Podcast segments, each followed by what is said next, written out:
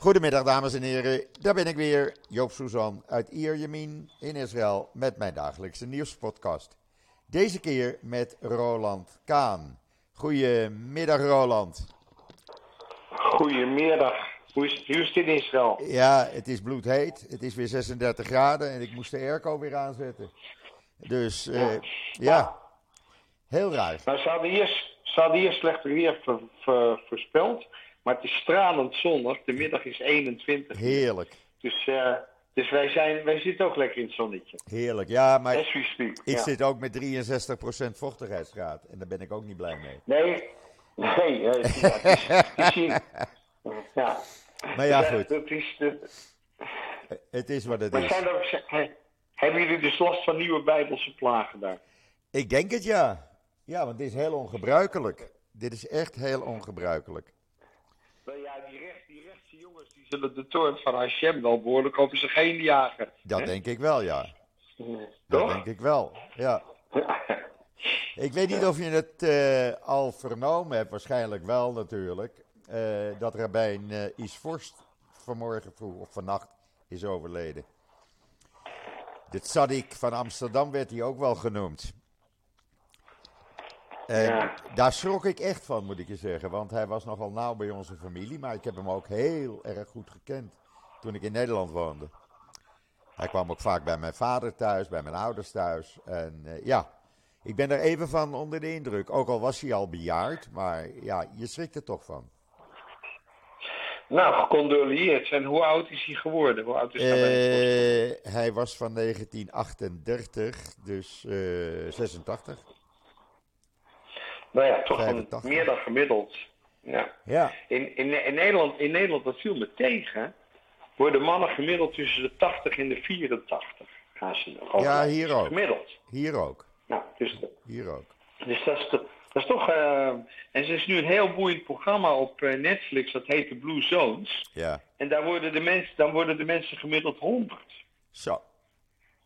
Ja. Ja, En eh, als, je dan, als je dan ziet wat daar de omstandigheden zijn dat die mensen zo oud worden, dan heeft het toch heel vaak met, lief, met liefde en, en, en genegenheid te maken. Hè? Dat de oudere mensen eh, betrokken worden bij de familie, bij de familie wonen en allerlei activiteiten. En dan Ja. zie je dus toch dat die, dat die spirituele en mentale gezondheid ja, ja, minstens zo belangrijk is als al die andere dingen die je doet. Maar Absoluut. ook veel bewegen en, en zorgen dat je trappen loopt en dat je balans houdt. ja, ja, en, en het zijn toch vaak, eh, die Blue Zones zijn toch vaak gebieden eh, waar de moderne technologie nog niet helemaal vat op heeft gekregen. ja, precies. Gewoon de ouderwetse manier van leven. Ja, Ja. Gewoon, eh, gewoon op het land werken Ja. of eh, gewoon, eh, ja. Maar ja, ik schrok En, er eh, toch van eh, vanmorgen toen eh, ik het van Esther Food doorkreeg. Oké. ja, dan ben je toch even stil. Dan, eh, Ja, Rabijn Vorst heeft mijn neefjes, de mitzvahs van mijn neefjes gedaan in Amstelveen. ja, ja, Dus zo, zo ken ik hem. Het was natuurlijk een, een kleine, grote man. Ja. Eh, klein van stuk, maar groot van geest. En, enorm, eh, enorm. ja, ja. En overal bij Nou ja, betrokken. we- Overal bij betrokken. Echt waar. Nou ja, er zit weer. Dus uh, Hashem heeft weer een rabbijn erbij. Die zal het nou druk krijgen. Ja, ja, nou Ja. Zal wel een groot eh, lawaai worden, denk ik zomaar. Oké. ja, nou ja. Ja, ja, ja. ja. Maar ja, goed. Het leven gaat door, zullen we maar zeggen. ja. En eh, Maar je, je, je, je, weet de mooie, je weet de mooie wens. Eh, ik wens je 120 jaar. ja, dat zeggen, dat zeggen wij altijd, tot 120. Ja, Ja. En je weet, je weet wat dan het enige beleefde antwoord is. nee. En dan hoop ik dat jij op mijn lawaai bent. oh, die kende ik niet. Oké, wij, Nee, weer een nieuwe erbij. Ik dacht dat ik ze allemaal ik, kende. wens, ik, ik, ik wens je 120 jaar, dankjewel. En ik hoop dat jij op mijn lawaai. Ja, ja, nee, die kende ik nog niet. ja. ja. Nou ja, goed, voor de rest hebben we, gaat de zagen hier, eh, hier door. We hebben twee uitspraken vanmorgen vroeg gehad. De ene was van eh, de Knesset-voorzitter Ogana. Die heeft gezegd, als het Hoge Rechtshof de redelijkheidswet eh, afwijst... dan eh, heffen wij het Hoge Rechtshof op en benoemen wij een constitutioneel hof... zonder aan het democratische proces daarvan, uh, wat eraan vooraf gaat, dat in, in rekening te houden. Maar hij benoemt dat gewoon. En daarnaast hebben we meneer Levin, de minister van Justitie, gehad. Die gezegd heeft: uh, Hoge Rechtshof, jij bemoeit je helemaal niet met de procedure die ik bepaal om uh, de kiescommissie voor nieuwe rechters samen te stellen. Dat, ga, dat gaat jou helemaal niets aan. Maar je ja. ziet dat deze, dat deze tijdelijke regering, want iedere regering is natuurlijk tijdelijk, ja. alle, princi alle principes van een echte democratie schendt. Ja. Want een echte democratie dat een tijdelijke meerderheid kan bepalen voor het hele land en voor de minderheid die ongeveer net zo groot is als de meerderheid. Het Ja. scheelt nauwelijks. En dat is natuurlijk een, een hele verkeerde manier. En ik, ja, waar ik me vooral heel, wat ik vooral heel triest vind, is hoe Netanyahu een slachtoffer is geworden van zijn eigen, eh, ja, ik zeg wel eens, eh, wie een kou gaat voor een ander valt er zelf in. Maar ik vind dat deze man diep gevallen is. En, en, en het beleid wat nu gevoerd wordt, dat is ja, on-Israëlisch. Nou, dat kan je wel stellen. Dat konden we gisteren ook zien. Ik weet niet of jij het eh, gevolgd hebt, maar ik zit er natuurlijk met mijn neus eh, middenin. Gisteren eh, dreigden Smotrich en Ben-Gvir, de twee extreemrechtse ministers, met maatregelen tegen Netanyahu als hij niet publiekelijk zou ontkennen dat hij niet akkoord was gegaan met die wapenleveranties aan de Palestijnen. Wat is er gebeurd? En dan heb je, dan heb je het over de Palestijnse autoriteit? Ja. niet over de Nee, Palestijnen. oh, Palestijnse Veiligheidsdienst. Wat is er gebeurd? Gister, Ja. Gistermorgen eh, kwam naar buiten dat de Palestijnse Veiligheidsdienst een aantal gepantserde jeeps had gekregen en een duizendtal geweren. Eh, op verzoek van de Amerikanen, die hebben dat ook geleverd. En waarom? Na de inval in Jenin in, dat, eh, in juli dit jaar kwam naar buiten, werd duidelijk voor de IDF dat de Palestijnse Veiligheidsdienst eh, helemaal geen macht meer had. Eh, en ze hadden ook te weinig wapens om tegen die terreurgroepen op te treden. En toen is er besloten om hun van wapens te gaan voorzien op een beperkte manier. Ja, Wat maakt maar misschien is het goed. eh, Wat maar maakt misschien goed, is het goed. Ja. Ja, sorry, bij jou. Misschien is het goed om even uit te leggen aan de luisteraar. Ja, dat, ehm, dat sinds de Oslo-akkoorden, ook al heeft dat niet geleid tot vrede, er toch een nauwe samenwerking is tussen de Palestijnse autoriteit en de Israëlische veiligheidsdienst. absoluut. Met andere, met andere woorden, die zijn on speaking terms. Die hebben regelmatige. eh, ja, je, je ziet het ook uitgebreid in de serie Fauda, die dan eigenlijk een heel juist beeld is schetst. En, en dus het is niet zo dat die Palestijnse veiligheidsdienst dat die anti-Israël is. En die, Nee. ehm, dat is een soort, een soort tussenoplossing eh, voor een land wat eh, niet een zelfstandig land is. Nee, er wordt samengewerkt. Dat- Er wordt op een dagelijkse Ja. basis samengewerkt door de, met de IDF en eh, de Palestijnse Veiligheidsdienst. Dat loopt via COGAT, C-O-G-A-T. Check het maar op het internet. Daar zit de coördinator eh, van de IDF natuurlijk iemand. En wat deed Netanyahu nou gisteren? Die komt dan met een video in eind van de middag. Waarin hij zegt: Nee hoor, ik wist daar helemaal niets van af. Het is allemaal besloten door de vorige minister van Defensie Gans in januari 2022. En Lapid en Bennett hebben dit, eh, zijn hiermee akkoord gegaan. Nou, da- dat is helemaal niet ter sprake ge- gekomen toen. Daarna komt hij met een bericht dat hij opdracht heeft gegeven om alle documenten van de vorige regering na te pluizen op wat voor afspraken er gemaakt zijn met de Palestijnen. Nou denk ik, dan ben je negen maanden aan het bewind. Heeft dan niemand nog ooit gekeken in de documenten van vorig jaar, van de vorige regering?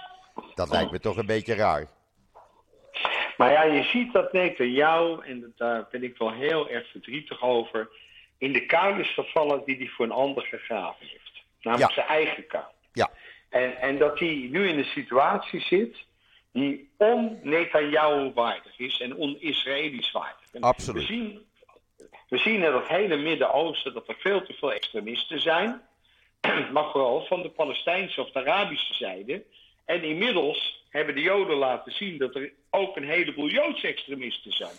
En, en ja, en dat is natuurlijk kolen op de, op de molen, of koren op de molen, van alle antisemieten en alle Israëlbeestjes. Ja. Dus we helpen onszelf heel erg goed eh, in de PR-oorlog tegen onszelf. Ik moet zeggen, ik, eh, ik ben, daar heel, ben daar heel verdrietig over wat er nu in Israël gebeurt. Nou, het is, het is En- echt on-Israëlisch. Eh, eh, van de week kregen de journalisten die altijd, het is een vaste journalistengroep die altijd met Netanyahu mee op reis gaat, die kregen te horen, sorry, eh, jullie kunnen meevliegen naar Amerika, maar je zoekt het zelf maar uit hoe je naar huis vliegt. Waarop die journalisten zeiden, nou, dan gaan we helemaal niet. Klaar. Nou ja, toen was het natuurlijk heel snel, oké, oké, jullie kunnen weer mee terug. Eh, geen probleem. Ik bedoel, dat zijn dingen die komen nooit voor. Gistermorgen hebben we gezien ook iets wat totaal on-Israëlisch is. Er was tijdens dat noodweer op Route 6 bij Kiryat Kat een eh, ernstig ongeluk tussen vier grote vrachtwagens. Daar één chauffeur kwam om het leven, drie anderen raakten gewond. Terwijl die drie chauffeurs behandeld werden, werden hun vrachtwagens geplunderd. Er zijn video's van. Ik heb ze online gezet. Ja, dat zijn dingen die, die zijn hier nooit voorgekomen. Het lijkt wel complete anarchie hier. Ja, maar als er, als een regering is die door een groot deel van de bevolking niet gesteund wordt en er iedere week massale demonstraties zijn, dan kan je natuurlijk ook wel spreken van een soort anarchie. Ja. En, Ja. en, en, en, en, dit, en dit soort extremiteiten, ja, die komen natuurlijk. Kijk, dat er, dat er in ieder volk een aantal lowlifes zijn, ja, daar is Israël natuurlijk niet van uitgezonderd. Nee. En dat die, dat die iedere situatie grijpen. Kijk wat er in Amerika gebeurt regelmatig. Hè? Ja. Maar, maar ja, wij hadden hier in Nederland, en, en daar praat dan blijkbaar niemand vindt dat echt belangrijk. Ja? Na iedere Marokkaanse wedstrijd in het, eh, in het eh, zeg maar de, de eerste antisemitische wereldkampioenschappen voetbal in Qatar. Ja. Want ik noem dat wel de eerste antisemitische wereldvoetballen. Ja. Haast te vergelijken met, met 1936 eh, de Olympische Spelen in Berlijn Ja. wat één grote propaganda was voor Hitler, was dit één grote propaganda voor de Palestijnse bevrijdingsbeweging, tot armbanden toe van de, van de, van de leiders van, eh, van Qatar. En, en ook daar zag je dat na iedere Marokkaanse wedstrijd, want er kan er wel vrede zijn tussen Marokko en Israël, maar ja, als je het volk eh 50 of 70 jaar hebt opgezet tegen Israël, dan is het natuurlijk niet, zo, niet onlogisch dat dat volk eh, nauwelijks doorheeft dat er inmiddels een heel andere situatie is. En er staan, stonden mensen gewoon met duizenden in Nederland, Hamas, Hamas, alle Joden aan het vast. Maar het meest verbazende is dat niemand daar van schande van spreekt. Nee. Met andere woorden, Black Lives Matter, Jewish Lives Nobody gives a fuck. Ja. Precies. Nou ja, kijk, maar Israël is wel het eerste land geweest die hulpteams naar Marokko heeft gestuurd. Hè? Ja, maar La- dat is natuurlijk allemaal politiek. Laten we dat niet vergeten. Nee, het is prachtig hoe menselijk wij zijn. En hoe menselijk Israël is. Maar het is natuurlijk allemaal politiek. En uiteindelijk, ja, is de grote publiciteits, antisemitische publiciteitsmachine. die eh, geleid wordt door landen als Qatar, eh Saudi-Arabië en natuurlijk Iran. Die is natuurlijk veel sterker dan dit soort kleine berichtjes. Jawel, dat, dat wel. Maar ja, het, is, het wordt in Nederland eigenlijk niet eens in het nieuws genoemd, begrijp ik. Nee, maar Nederland is, Nederland is helemaal niet bezig met Israël op welke manier dan ook post.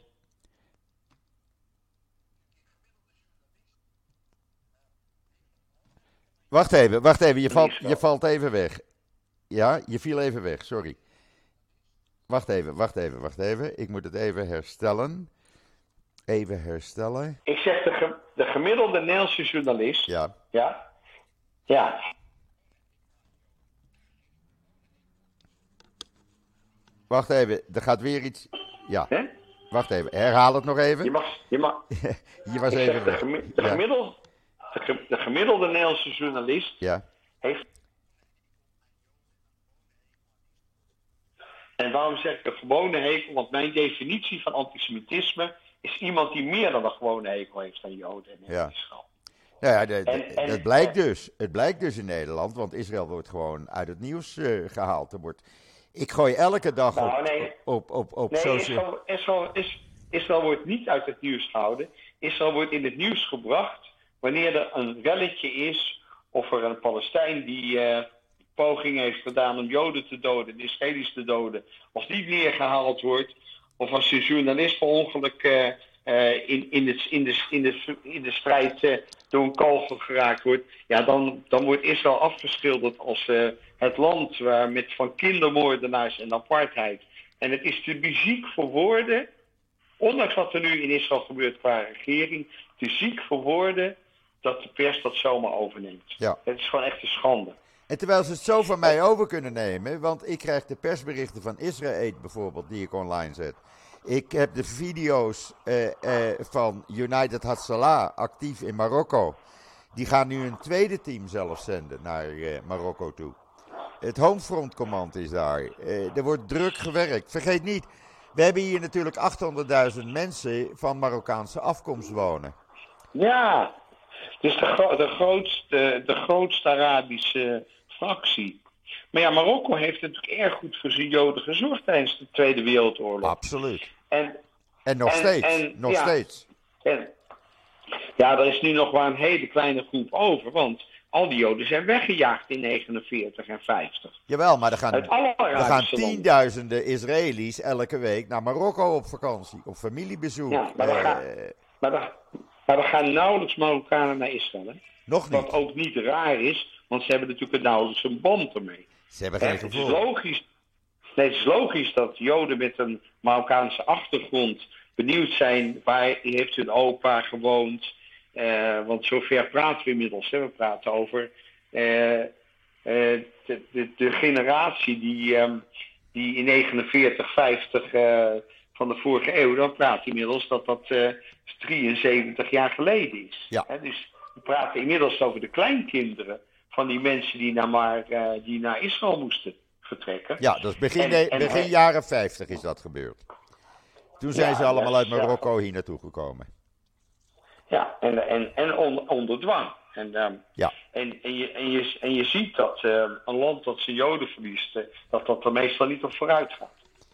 Nee, vaak niet. Vaak Nou, en je, ziet, je, weet, je weet dat in Spanje en Portugal is er een nieuwe wet dat mensen die kunnen aantonen dat hun voorouders van Portugees, Joodse of Spaans-Joodse afkomst waren, dat die weer recht hebben op een paspoort. Met name Portugal is daar heel actief in. Ja, en dat, daar, Dus, eh, eh, daar staan ze voor in de rij op dit moment. Er zijn zo'n Ja, 20 eh, 20.000 Israëli's die nu een aanvraag hebben ingediend. Kan je nagaan, hè? En, en, en Portugal is natuurlijk een zeer aangenaam land met een relatief kleine bevolking en enorme economische ontwikkeling. Vooral ook op fastfood en, en, en, en, en toerisme.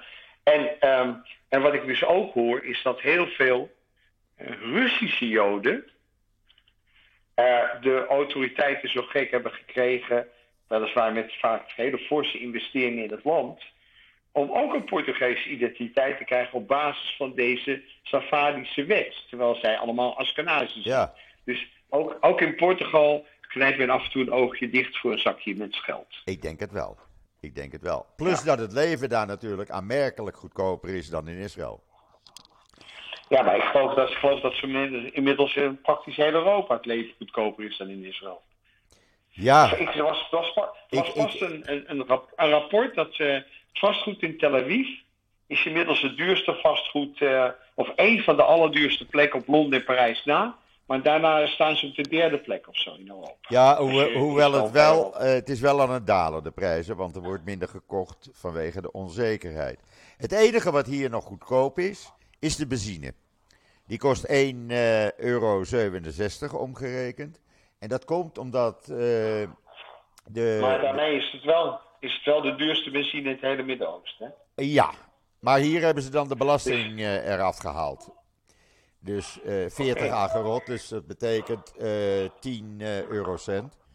Maar ik liep vanmorgen, moest ik even naar de drogist. En daar tegenover heb je een kaaswinkel in die shoppingmall.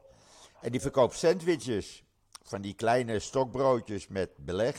Kaas met een, een blaadje sla en weet ik van wat. En ik ga kijken wat dat kost. 45 shekel. Dat is dus ruim 10 euro. Ja. Nou, Ja, dat, is- dat is hysterisch. Ja, Dat is in Nederland vind je ook. eh, in Nederland vind je ook geen sandwiches meer onder de 5 euro. En de meeste sandwiches, luxe sandwiches, zitten ook allemaal rond de 8 en 10 euro. Dus het is niet heel anders dan bij ons. Maar ja, eh, wij hebben de catastrofale fout gemaakt met die energiecrisis. Om die, om die belasting op energie niet drastisch te verlagen. Ja. Zodat er een enorme golf van inflatie is gekomen. Waarmee de lonen weer te hoog stijgen.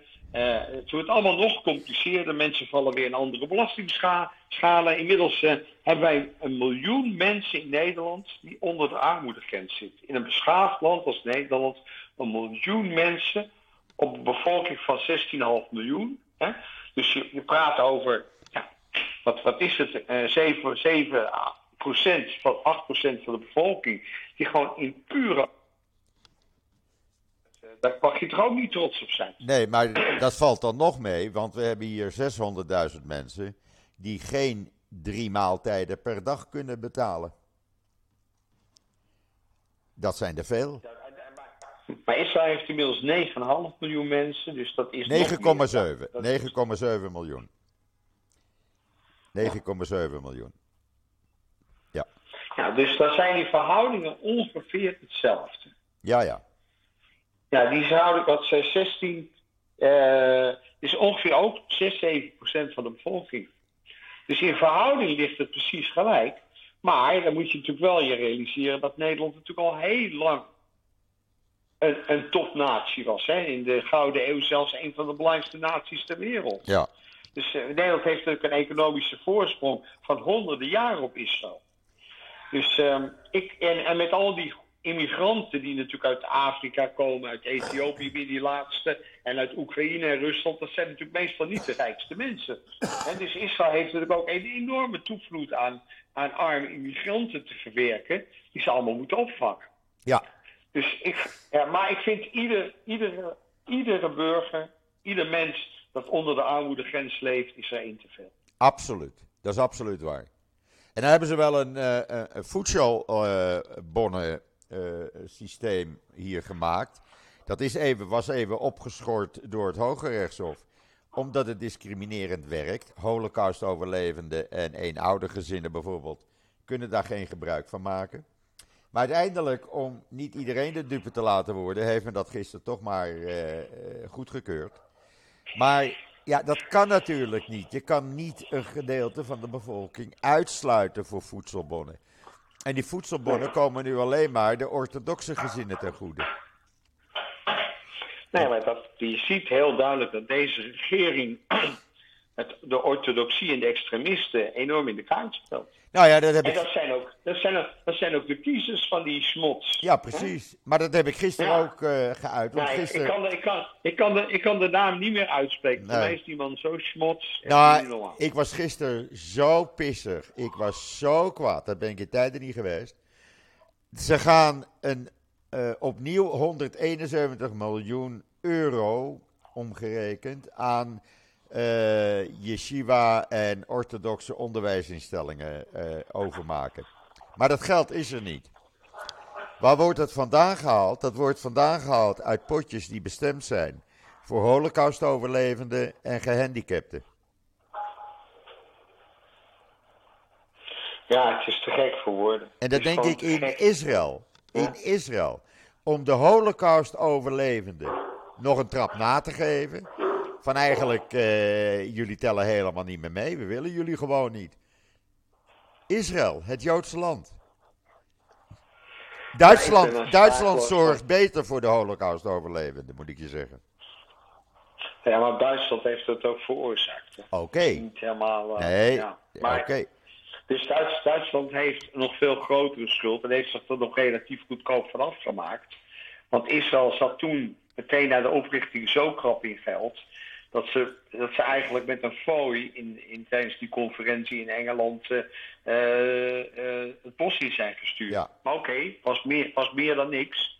Maar ehm, dus ja, ik zo over dat Duitsland dat nou zo goed doet voor die holocaust-slachtoffers. Daar kunnen we nog wel een, Nee, maar even zwart-wit een hele gezien. discussie over voeren. Maar even zwart-wit gezien. Financieel zorgen ze goed voor de holocaust-overlevenden. Laat ik het zo zeggen.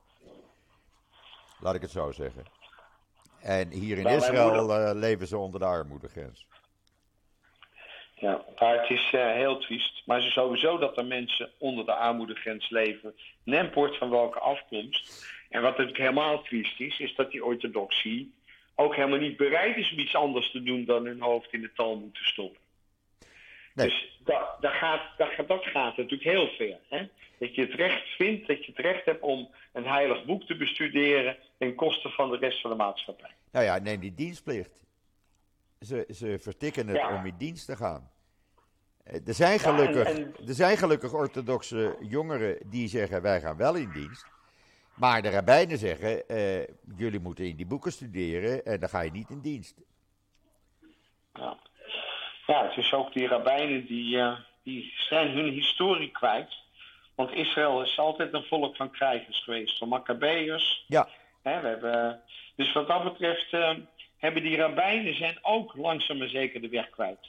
nou ja ze zijn, eh, er zijn een aantal rabbijnen extremistisch aan het worden. Vooral op de Westbank. Nou, en ze, vertellen, ze vertellen ook zieke grap, hè?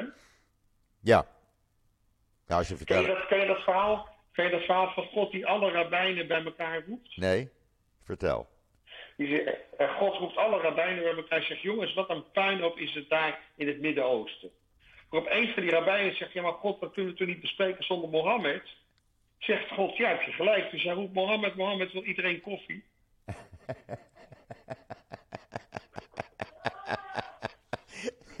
Dat vind ik een leuke. Oké. Nee, die kende ik niet. Die had ik nog nooit gehoord. Ja, we, moet- we moeten er maar een grapje over maken, hoor, want het een gevaarlijk grapje is. Nou ja, dat moeten we ook. Ik heb al, alle, alle respect voor Mohammed. Weet je, wat, eh, uiteindelijk heeft hij het toch voor elkaar gekregen dat, eh, dat meer dan 20% van de bevolking eh, zijn leer volgt. Ja, Ja? Zoals Ja. ik er ook van, van overtuigd ben dat Jezus de meest beroemde Joodse rabbijn aller tijden is. Hè? Want welke Jood heeft het nou tot God geschopt? ja, precies. Ja, dus, ja. Ja, Ja, ja. alleen- Alleen, in- Spanje zijn wij goden. Weet je hoe dat komt? Nee. Omdat ze daar de J voor G uitspreken.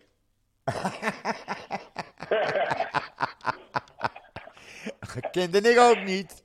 En die zullen een heleboel Nou ja. van de luisteraars niet, eh, niet kennen. Nee, Ja, nee, dat is een, het, is een, het is een hele oude. Maar ik, ik denk dat we in deze bittere tijden weer terug moeten grijpen op ons middel om de pijn te verzachten. En dat is erom kunnen lachen. Ja, Goed maar er ja. wordt hier jammer genoeg weinig gelachen op dit moment. Nou, gaat wel alles eh, drie dagen of tweeënhalve dag op slot.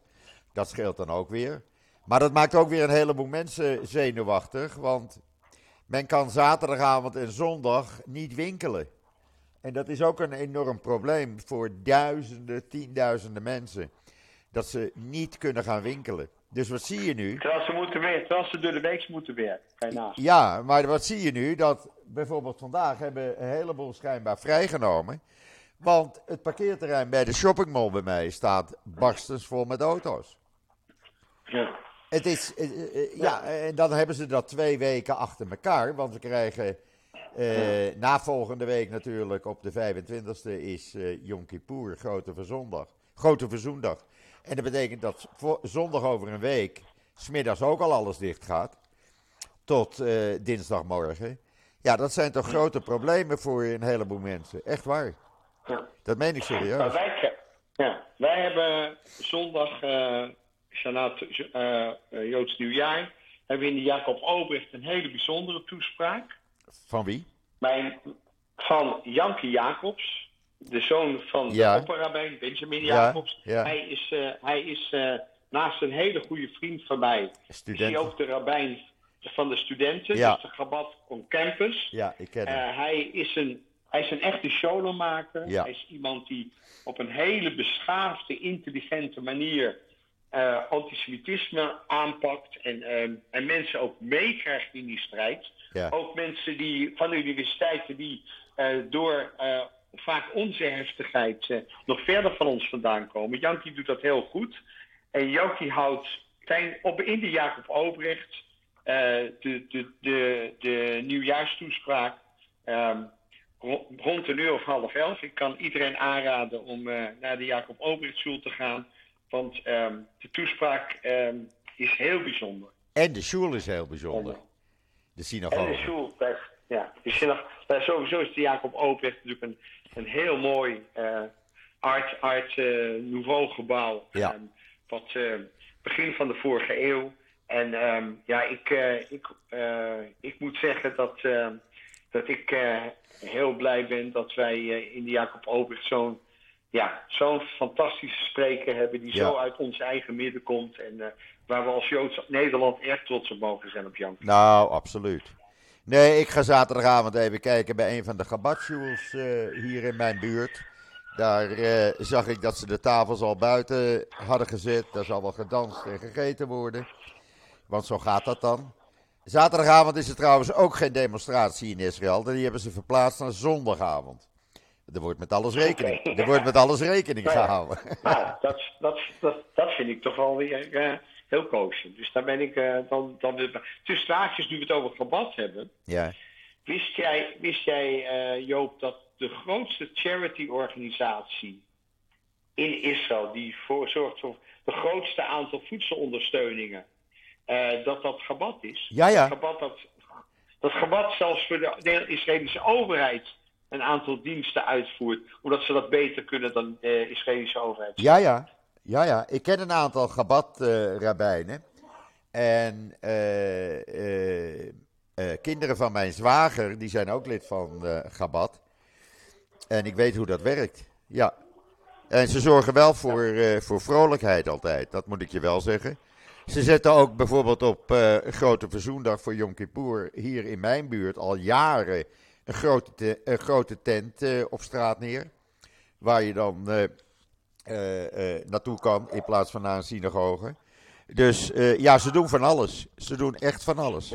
Ja, Maar ze zetten, nog, ze zetten nog geen biechtstoelen neer, toch? nee, nee, nee. Ja, gelukkig waar. Maar dan, dan zie ik hier, dan hebben ze, dan hebben ze hier een nieuwe, stoel, een nieuwe synagoge gebouwd.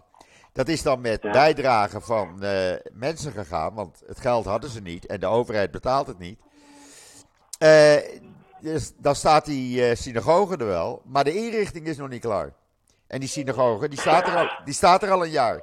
Dus er staan gewoon plastic, plastic stoelen en dat soort dingen. Ja, ja, maar Ja, zo werkt het. En niemand die zich daar druk over maakt. Maar ja, natuurlijk ook humor, hè. Ja, ja, ja. ja. Maar goed, dan wordt er dus buiten, buiten gedanst. En voor de rest is eh Rosh Hashanah in Israël een, een, ja, een feest voor eh, families bij elkaar. En eh, ja, het valt natuurlijk op vrijdagavond nu. Dat betekent heel veel eten. Meer dan gebruikelijk. Met heel veel zoete appeltjes en honing. Er wordt 15 ton appelen opgegeten tijdens Rosh Hashanah hier. Nou, ik realiseer me dat ik door de COVID alweer vier jaar geleden is dat ik in Israël was met Yom Kippur. Ja, Toen hebben we Yom Kippur gevierd in het uh, Chabad-centrum in Tel Aviv.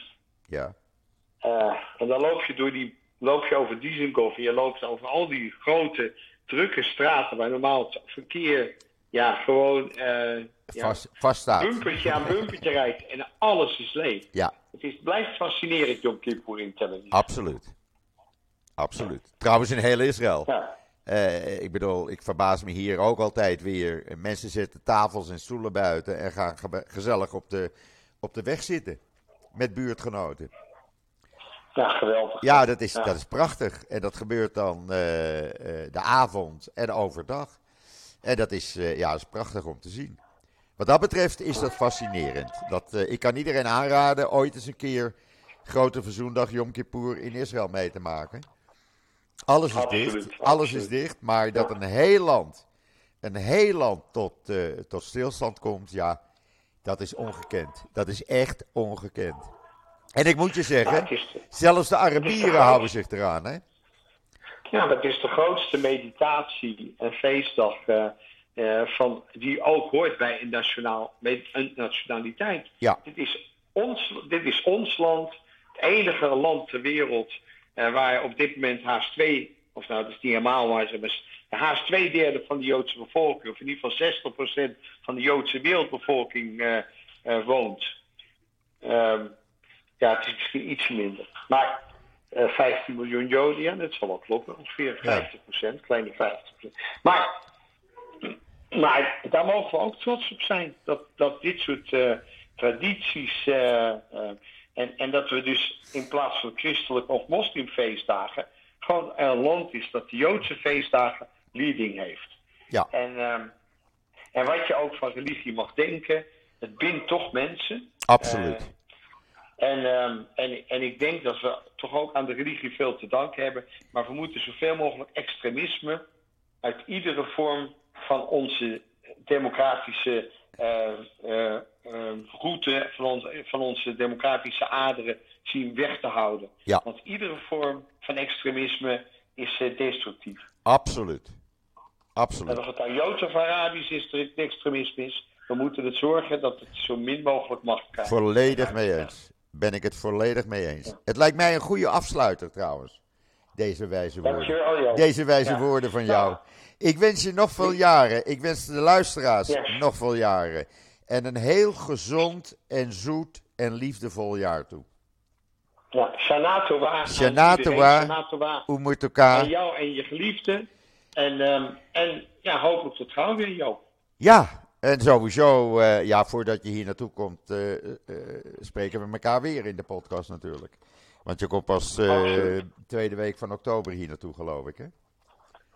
Dat is niet helemaal zeker. Um, want mijn vriendin zit in een televisie, mijn aanstaande vrouw zit in een televisieshow The Real Housewives of Amsterdam. Oh. En daar, dat vindt ze heel erg leuk om te doen. Ja. En het, is, het is ook meer een uit de hand gelopen hobby. en um, ja, ja, ja dat, uh, zo voor de camera staan is toch verslavend. En uh, zij vindt het dus heel erg leuk. En um, dus um, we hebben eigenlijk tot eind deze week allemaal opnames. Dus we zijn eigenlijk nog niet met vakantie geweest. Dus we wilden eigenlijk dus vanaf half oktober met vakantie. En de, ons kindje wordt 1 oktober 1, dus is nog net iets te klein om uh, echt Israël goed te snappen. Daar willen we toch twee jaartjes mee wachten en dan uh, haar door heel Israël meenemen en haar dat zoveel mogelijk al te laten voelen van kleins af aan. Ja. Dus ik weet niet zeker of het dit jaar lukt, maar we gaan elkaar zeker in Israël zien. En hopelijk is er dan een regering die ja, het, het Israëlische rechtsgevoel ook echt recht doet. En, um, en is, is, heeft Netanyahu zijn beste tijd gehad. En, en zou nu gewoon met pensioen moeten. We gaan het zien. In ieder geval hebben we even drie dagen rust. En uh, kunnen we even, even bijtanken. Dat is ook wel eens lekker. Nou, ja, Joop, nogmaals, geniet ervan. Shana Tova voor iedereen en voor jou en de jouwe. Bye, bye. Bye. Ja, dames en heren, eh, zoals jullie begrijpen, dit was uh, de laatste podcast van deze week. zondag is er geen podcast. ja, ik, ik weet dat het teleurstellend is, maar zondag is tweede dag Rosh Hashanah. Ik ben daarmee een van de kinderen. en ja, het, zoals ik net al zei, het is dan lekker om even bij te tanken, even een paar dagen even relaxen. Maandag ben ik er weer, wat de podcast betreft. Zijn er ontwikkelingen die het nodig achten uh, om uh, een podcast te maken, zal ik dat zeker doen. Ik blijf jullie gedurende Rosh Hashanah in ieder geval via social media en israelnieuws.nl uh, op de hoogte houden. En als jullie willen dat ik ook het nieuwe Joodse jaar doorga, nou, ga even naar fooienpot met een d.com en ja, stort die 1 euro of druk op de donatieknop op israelnieuws.nl. Nogmaals, Shana Tova, um, met elkaar. Een jaar eh, vol gezondheid en liefde voor iedereen. En eh, ik ben er maandag weer.